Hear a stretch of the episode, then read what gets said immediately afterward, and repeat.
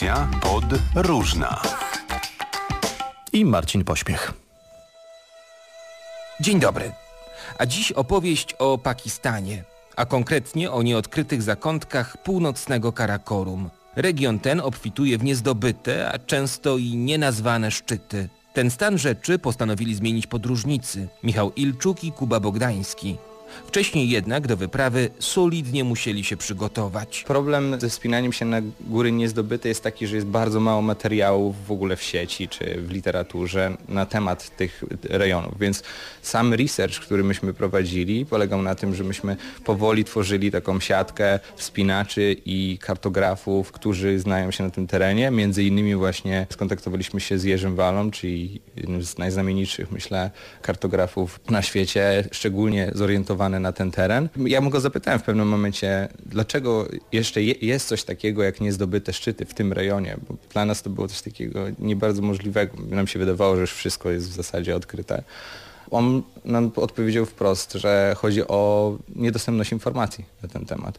Po prostu wszystko na bieżąco musimy eksplorować samemu, czyli nie możemy wcześniej przeczytać, że załóżmy dany etap zajmuje 10 godzin czy 5 godzin, czy tu się idzie w lewo, za tym kamieniem idzie się w prawo. Nie ma czegoś takiego jak opracowania tego terenu, więc będąc tam musimy sami zadbać o zbiór informacji. Jak długo wy się do tej wyprawy przygotowywaliście? Bo tak jak mówicie, to nie było tak, że wpisaliście, nie wiem, Pakistan, Karakorum i wyskoczyło 50 tysięcy artykułów, które po prostu trzeba przeczytać, przerobić i już idziemy w górę. Tak naprawdę chyba pomysł powstał rok przed wyjazdem, gdzie myśleliśmy, e, Kuba tutaj mnie oczywiście jak, jak zwykle e, zagadał, gdzie jedziemy w przyszłym roku. No i gdzieś myśleliśmy nad takimi bardziej celami, na które jeździ więcej ludzi. Natomiast e, pamiętam, że Kubie się przypomniało, że czytał właśnie artykuł o tych rejonach, że są tam te jeszcze niezdobyte szczyty. Wpisaliśmy to w Google, co się okazało, co było takim dużym zdziwieniem dla nas jako tego pokolenia, że, które wie, że wszystko jest w internecie. Okazało się, że w Google tego nie ma za bardzo. Jest kilka artykułów na temat tej doliny, nie było nic. No i właśnie musieliśmy zacząć szukać, e, kontaktować się z różnymi wspinaczami, czy to z zagranicy, czy to z Polski. Mieliśmy taki dosyć długi łańcuch ludzi, którzy nam pomagali w tym. To była Anita Parys, która kilka lat temu była w tych rejonach, która dała nam kontakt do Janusza Majera. Dzwoniliśmy się z Januszem Majerem, co dla nas też było wielkim przeżyciem. Rozmowa na Skype'ie z Januszem. Janusz nam dał kontakt do Jerzego Wali. Byliśmy u Jerzego w Krakowie, bo pan Jerzy ma 89 lat. Pan Jerzy nam dał kontakt do ludzi, którzy tam byli, czyli do Andrzeja Makarana i Mariusza Saramaka którzy byli tam kilka razy. No i tak po nitce do kłębka doszliśmy do tych informacji, no ale z drugiej strony też musieliśmy się przygotować jakoś tak trochę górsko, więc e, ja zacząłem też chodzić na jakiś kurs spinaczkowy. Kuba chyba już trochę więcej potrafił. Musiałem tam stawać o 6 rano we wtorki, niezbyt przyjemna sprawa, ale no trzeba było się przygotować i przede wszystkim też e, no, gdzieś tam jeździliśmy w Tatry, byliśmy na Sardynii się wspinać, więc takie dosyć długie przygotowania, no ale przede wszystkim wydaje mi się, że długo zajęło skompletowanie sprzętu, a przede wszystkim właśnie ustalenie, gdzie jedziemy, jak ta dolina wygląda i jakieś informacji, jak, jak to zrobić na miejscu. Jak to logistycznie e, wyglądało? Plecak, namiot, e, sprzęt i co tam?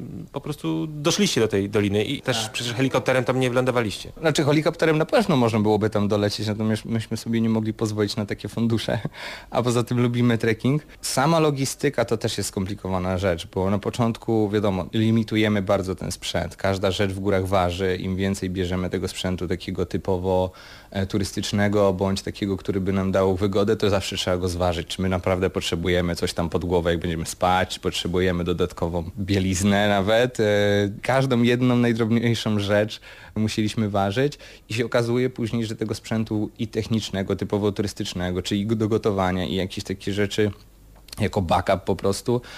To się bardzo dużo tego uzbierało, nawet na naszą dwójkę myślę, bo dwa plecaki po jakieś 17 kilo, może z groszem, później kolejne 15 dwóch tragarzy. Myślę, że myśmy jeszcze sporo takiego technicznego sprzętu, plus jedzenie, gaz, to wszystko się zbiera. Oczywiście każdego dnia trzeba jeszcze nazbierać troszeczkę wody, więc tak naprawdę wagowo i logistycznie to jest dość duże. Do opowieści Michała Ilczuka i Kuby Bogdańskiego wrócimy także w przyszłym tygodniu. Audycja pod różna. A wiadomości ze świata podróży zdominowane są przez doniesienia związane z koronawirusem. Jak wiemy, Donald Trump ogłosił zakaz podróży z Europy do USA. Będzie on obowiązywał przez 30 dni, od północy czasu nowojorskiego, czyli od godziny 5 w nocy czasu polskiego.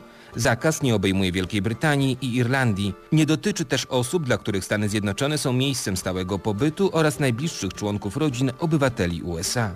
Tymczasem Ministerstwo Spraw Zagranicznych odradza podróże, jeśli nie są one konieczne, do Izraela oraz autonomii palestyńskiej. Wszystkie osoby, które będą chciały przyjechać do Izraela, muszą wypełnić wniosek i poddać się kwarantannie. Polskie linie lotnicze LOT do trzeciego dnia kwietnia przedłużają zawieszenie połączeń z Warszawy do Mediolanu i Wenecji. Dodatkowo przewoźnik do 25 dnia kwietnia zawiesza rejsy z Warszawy do Pekinu, a do 8 kwietnia z Budapesztu do Seulu. Przewoźnik ogranicza też loty do Tel Awiwu. Z kolei Ryanair od dziś do 8 dnia kwietnia do północy zawiesza wszystkie rejsy międzynarodowe do i z Włoch. Podróżna powróci. Marcin Pośpiech. Do usłyszenia. Teraz za dwa